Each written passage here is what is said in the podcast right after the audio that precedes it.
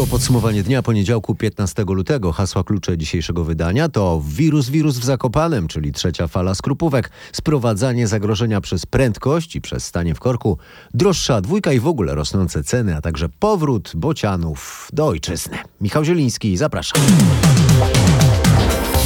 Podsumowaniu dnia na początek echa pierwszego weekendu, na który Polacy mogli masowo wyjechać poza miejsce swojego zamieszkania w związku z poluzowaniem obostrzeń, otwarciem hoteli i stoków, a także zawodami Pucharu Świata w skokach narciarskich doliczącego 27 tysięcy mieszkańców Zakopanego. Przyjechał w weekend drugie tyle turystów. Efektem była gorączka sobotniej nocy, masowa zabawa na krupówkach.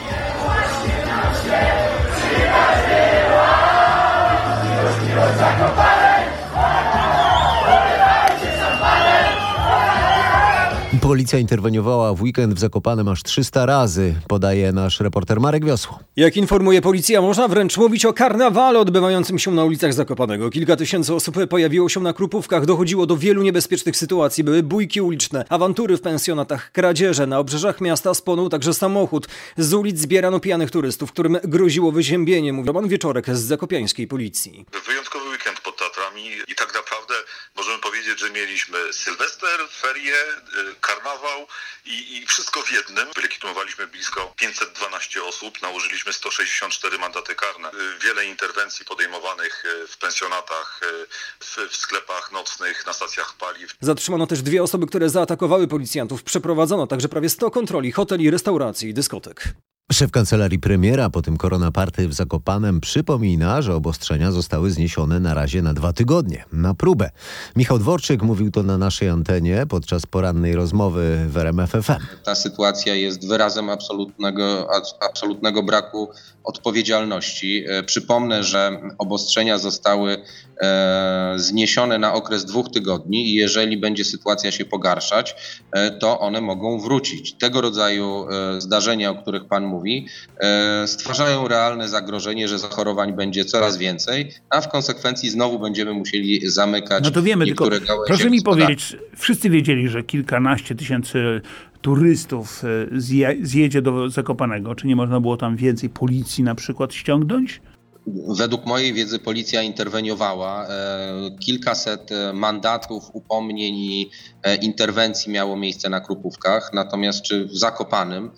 Natomiast rzeczywiście mm, z mojego punktu widzenia to było pewne zaskoczenie, bo do tej pory Polacy dosyć poważnie traktowali sytuację pandemiczną. Przestrzegaliśmy obostrzeń. Mówił szef kancelarii premiera Michał Dworczyk. Całą rozmowę Roberta Mazurka możecie zobaczyć na rmf24.pl. Na Krupówkach mogła się zacząć trzecia fala epidemii w Polsce, twierdzi tymczasem minister zdrowia.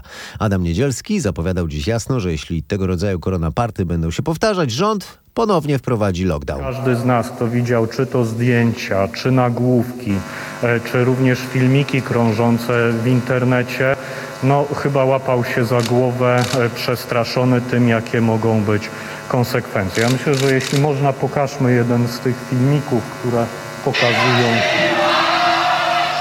jak wygląda odpowiedzialne, czy w zasadzie nieodpowiedzialne podejście do przestrzegania reżimu.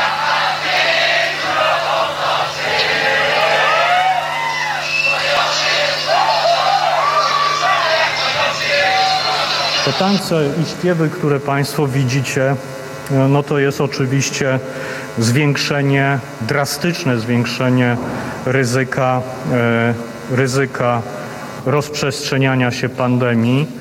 Jeżeli chcemy pozwolić na powrót do normalnego funkcjonowania biznesu, to oczywiście takie zachowania przekreślają takie możliwości i mogą doprowadzić do tego, że Niestety będziemy musieli podejmować decyzje, które cofną luzowanie restrykcji i które będą właśnie e, ukierunkowane też na to, żeby ponownie wprowadzać pewne formy lockdownu. Także w dłuższej perspektywie, w dłuższej perspektywie takie działanie na pewno doprowadzi do e, dalszych decyzji zaostrzających. Apeluję tutaj o rozwagę, apeluję tutaj o odpowiedzialność.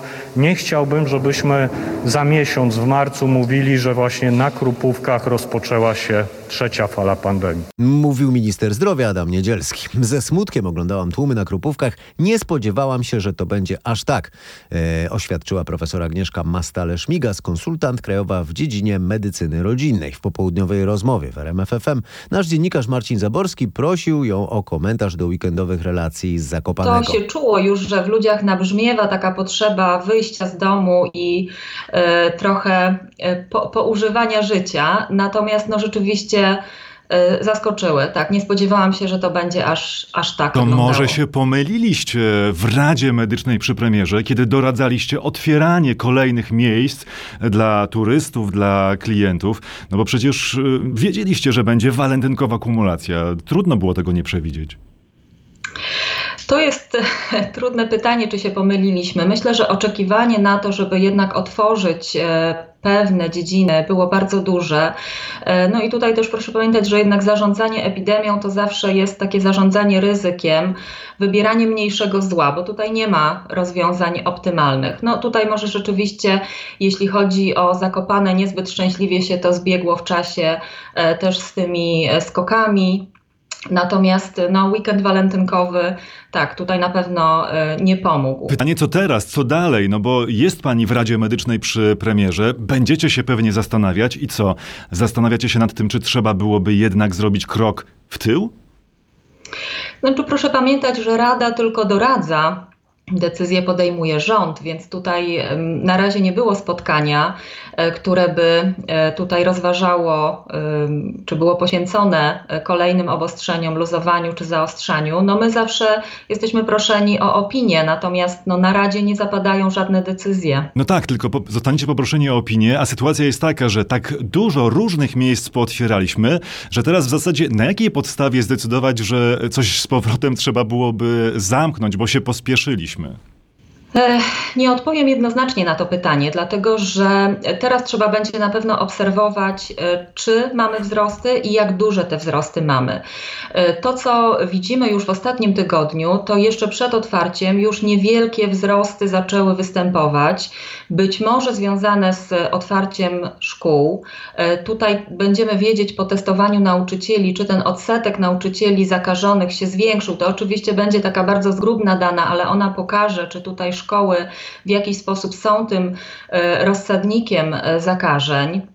Natomiast no, teraz trzeba będzie uważnie obserwować sytuację epidemiologiczną, bo niestety no, latencja wylęgania się choroby e, powoduje, że my odpowiedź na to, czy to, co się działo w weekend, e, wpłynie na zakażenia, będziemy mieć za dwa tygodnie. Natomiast no, proszę też pamiętać, że te filmy, które widzieliśmy w internecie, one oczywiście były uderzające, natomiast no, dotyczyły relatywnie niedużej grupy osób przebywającej na świeżym powietrzu, więc to też nie jest tak, że na pewno ci, którzy tam tak czy inaczej się zachowywali, będą przyczyną zakażeń. My tego nie Oby. wiemy. Całą rozmowę Marcina Zaborskiego z profesor Agnieszką Mastale-Szmigas możecie zobaczyć albo posłuchać na RMF24.pl. Ponowne zablokowanie możliwości wyjazdów i zamknięcie hoteli byłoby kolejnym ciosem dla branży, która nareszcie mogła coś zarobić.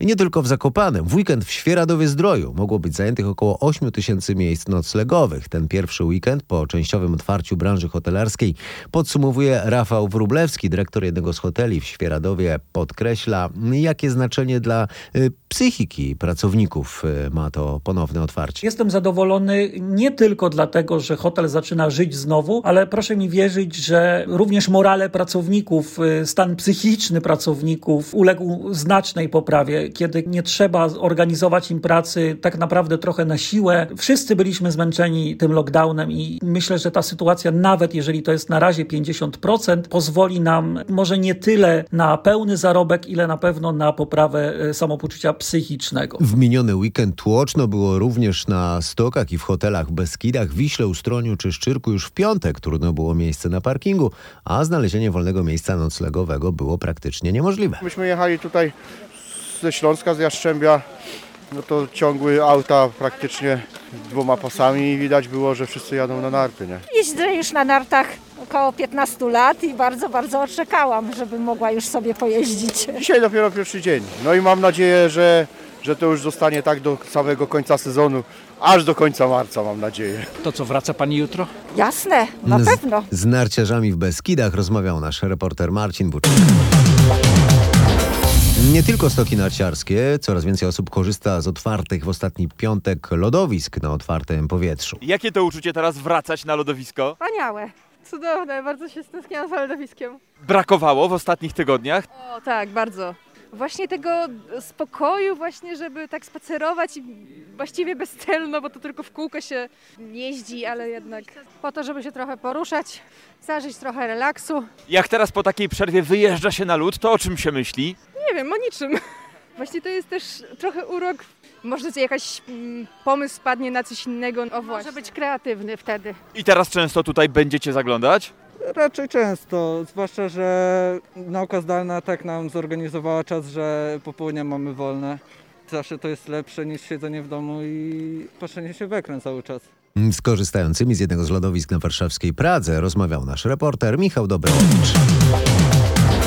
Hotele podrożały, więcej trzeba było płacić za paliwo w ten wyjazdowy weekend. W Polsce w ogóle znów szybciej rosną ceny. Oficjalny wskaźnik inflacji mierzony przez GUS okazał się zaskakująco wysoki. Dziś Główny Urząd Statystyczny poinformował o tym, że ceny w styczniu były wyższe niż rok wcześniej o 2,7%, podczas gdy analitycy spodziewali się 2,4%. Oficjalny wskaźnik inflacji, e, używany zresztą nie tylko w Polsce, jest coraz częściej tymczasem krytykowany.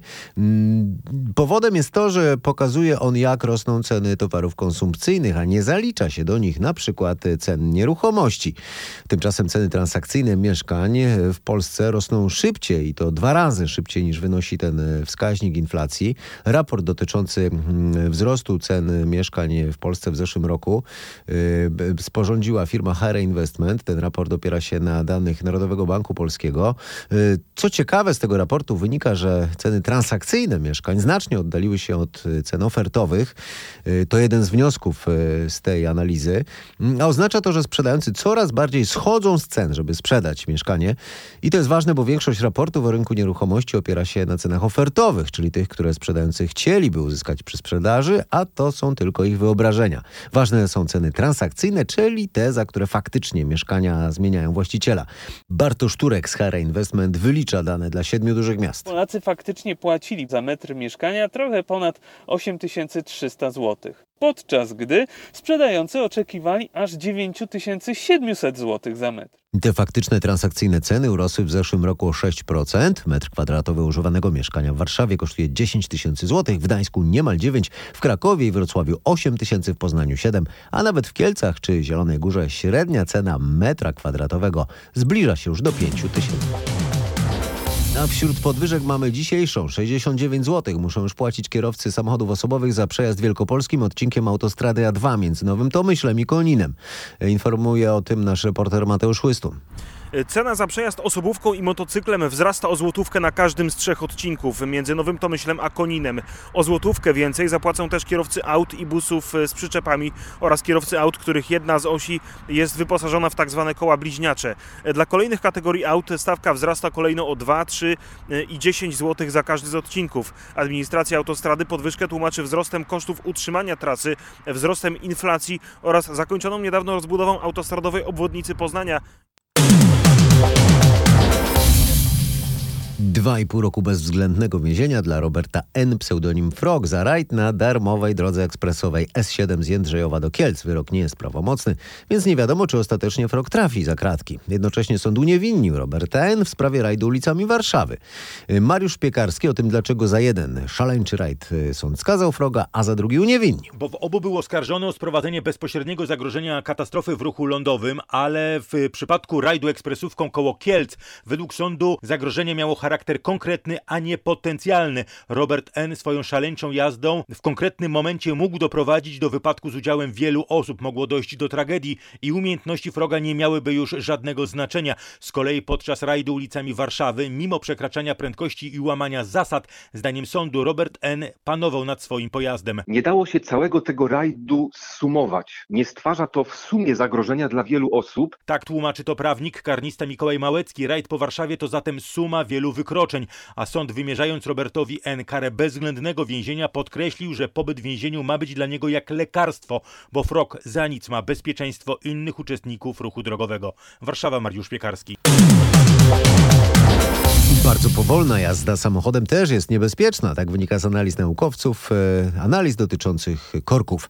O najnowszych wynikach badań amerykańskich naukowców opowie Grzegorz Jasiński. Kierowcy i pasażerowie spędzający codziennie w drodze do pracy w samochodzie co najmniej 20 minut wdychają wiele substancji chemicznych na poziomie, który może zwiększać ryzyko chorób nowotworowych, a u kobiet w ciąży ryzyko wad rozwojowych dzieci.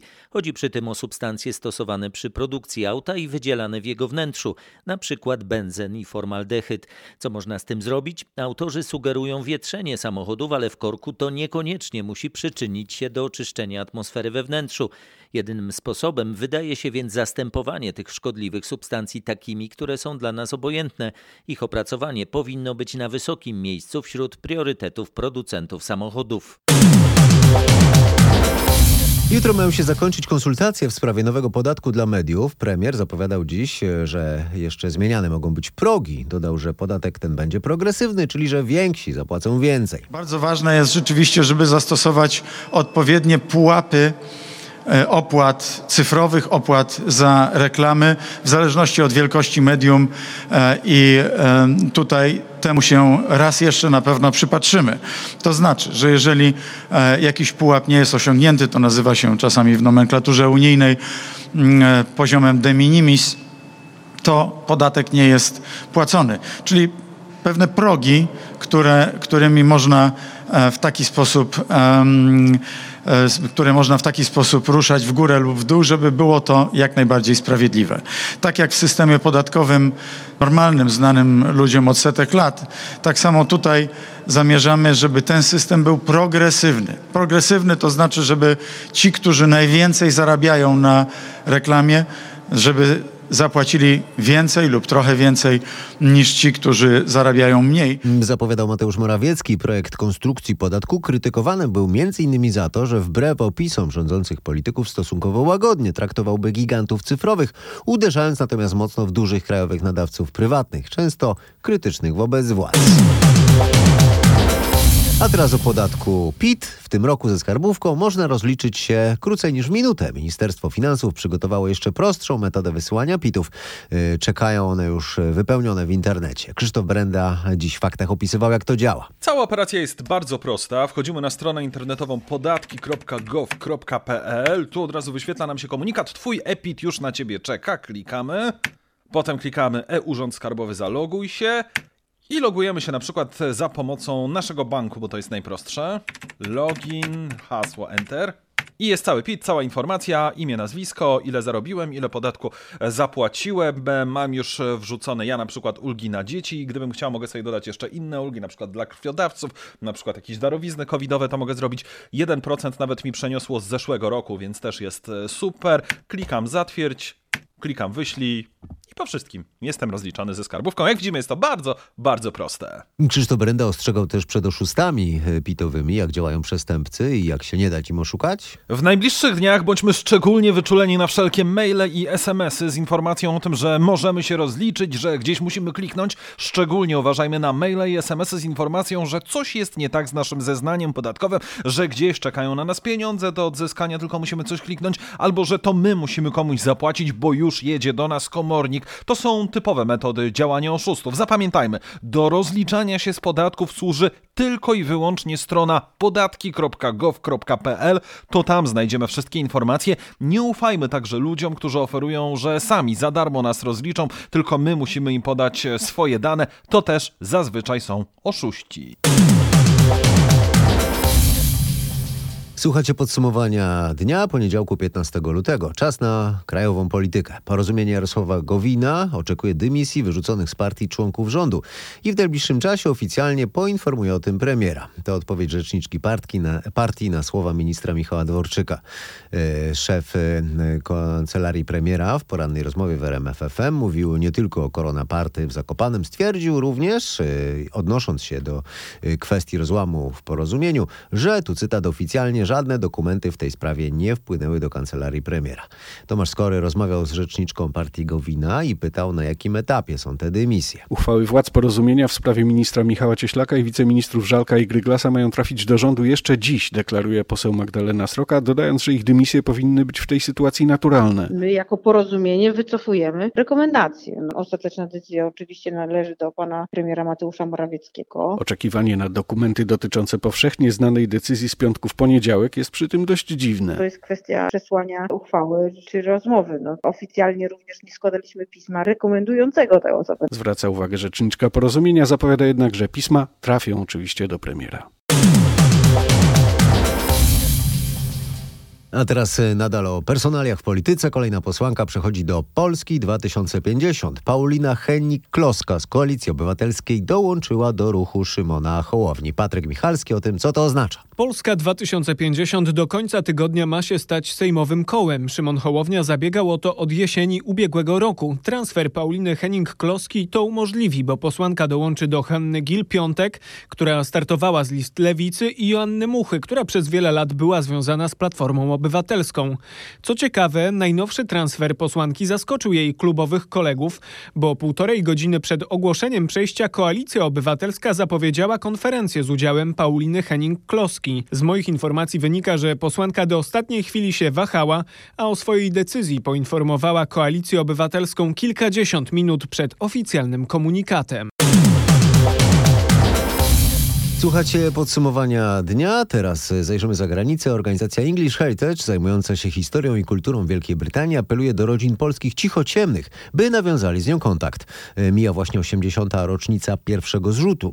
Szczegóły e, od naszego korespondenta w Londynie Bogdana Frymorgena. Ten ważny epizod z czasów II wojny światowej nie jest na Wyspach powszechnie znany. Brytyjczycy pamiętają głównie polskich lotników, którzy brali udział w bitwie o Anglię. Dlatego organizacja English Heritage pragnie zgromadzić archiwum wspomnień o cichociemnych. Szuka kontaktu z rodzinami Polaków, którzy pod osłoną nocy zrzucani byli na spadochronach na okupowane przez Niemców terytorium Polski. 600 cichociemnych zostało na wyspach wyszkolonych i oddelegowanych w ten sposób do kraju, gdzie samodzielnie bądź w oddziałach Armii Krajowej brali udział w działaniach dywersyjnych. No a teraz będziemy w Paryżu. Fiasko tamtejszego domu mody sławnej piosenkarki Rianny. Zawiesił on działanie z powodu niewystarczającej sprzedaży ubrań, butów i okularów.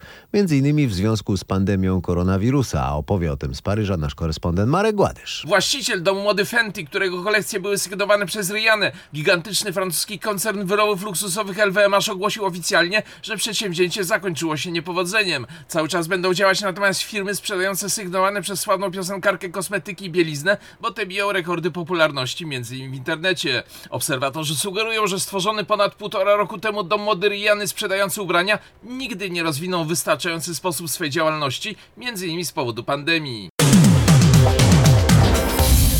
Rośnie liczba zakażeń koronawirusem w Czechach. W weekend odnotowano tam ponad 13 tysięcy nowych przypadków, a od dziś jest tam nowy stan wyjątkowy. Paweł Pyclik o tym, jak długo ma on obowiązywać. Na razie przez dwa tygodnie, czyli do końca lutego, rząd przedłużył stan wyjątkowy na wniosek wszystkich marszałków województw oraz burmistrza Pragi. Stało się to po odrzuceniu przez parlament rządowego wniosku o przedłużenie. W obowiązujących wcześniej restrykcjach praktycznie nic się nie zmieniło.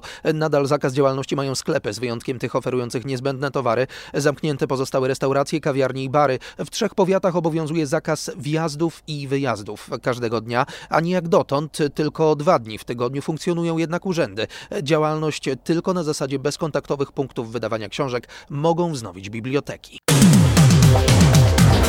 A teraz w podsumowaniu dnia temat, o którym może powinienem mówić na początku podcastu, tak jak o szczepionkach zwykle, ale o lekach na koronawirusa jakoś nie mówi się wiele. Na razie więc odnotujmy zapowiedź, że pod koniec lutego ruszą badania kliniczne nad zastosowaniem amantadyny w leczeniu COVID-19.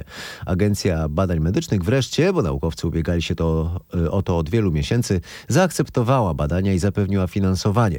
Mają być prowadzone równolegle w siedmiu ośrodkach w Polsce pod kierownictwem profesora Konrada Rejdaka, szefa lubelskiej kliniki neurologii. Wynik takiego badania na pewno będzie poważnym dowodem naukowym, w jakimkolwiek kierunku oczywiście. Czyli mogłyby już rekomendować używanie amantadyny, bądź pokazałyby, że coś się po prostu wydawało, zbieg okoliczności. Pamiętajmy, że jest to lek powszechnie dostępny i zapisywany w różnych wskazaniach, więc właśnie używanie leku poza wskazaniami musi opierać się na zgromadzonych dowodach naukowych. Ym, No i tylko wtedy można wydawać rekomendacje. Wyniki badań takie miarodajne, połowa kwietnia najpóźniej. Tak, to będzie jakby faza analiz i będziemy chcieli publikować takie wyniki jak najszybciej. Teraz e, poważna zmiana tematu. Trenować czy też jechać do Rasnowa? Kamil Stoch ma kłopoty z formą. Wczorajszy konkurs w Zakopanem, o którym wspominałem na początku podcastu, zakończył dopiero w trzeciej dziesiątce. Czy zatem pojedzie do Rumunii, czy zostanie w Polsce, by trenować przed Mistrzostwami Świata? No tutaj muszę się zdać tylko na trenerów. E, Nie chcę sam decydować w takich kwestiach. E, Uważam, że oni no, robią świetną robotę. E, Nigdy się na nich nie zawiodłem i, i wiem, że wspólnie podejmiemy taką decyzję, która będzie najlepsza dla mnie. Mówił Kamil Stoch, razem z nim Dawid Kubacki, Piotr Żył, Andrzej Stękała, Klemens Murańka i Jakub Wolny mają pojechać na Mistrzostwa Świata w narciarstwie klasycznym do Oberstdorfu. Yy, one zaczynają się 23 lutego. Wcześniej konkursy Pucharu Świata w rumuńskim Rasnowie. Za oknami śnieg, mróz, jednym słowem zima, ale bociany już wiedzą, co robią. Wystartowały w drogę powrotną do Europy. Pierwsze ptaki powinny dotrzeć do Polski w pierwszej połowie marca. W tej chwili znajdują się w rejonie Sahelu, czyli w obszarze y, położonym na południe od pustyni Sahara. Są to przede wszystkim kraje takie jak Sudan, Etiopia czy Czad. Ich droga e, będzie przebiegała mm, w pierwszej fazie wprost na północ, czyli z Sudanu e, wlecą do Egiptu. Dalej skręcą na północny wschód, e, czyli przez e, Izrael, Liban, Syrię. To są właśnie te kraje, gdzie niestety czeka je e, wiele przeszkód, między innymi kłusownictwo, tak? czyli strzelanie do bocianów niestety dla rozrywki. Mówił Sebastian Menderski z Polskiego Towarzystwa Ochrony Ptaków. Bocianom wypada życzyć szczęśliwej drogi. Ja Państwu życzę miłego wieczoru, wspaniałego wtorku. E, Dziękuję za uwagę. E, Proszę o subskrybowanie podcastu Podsumowanie Dnia. No i zapraszam na jutro.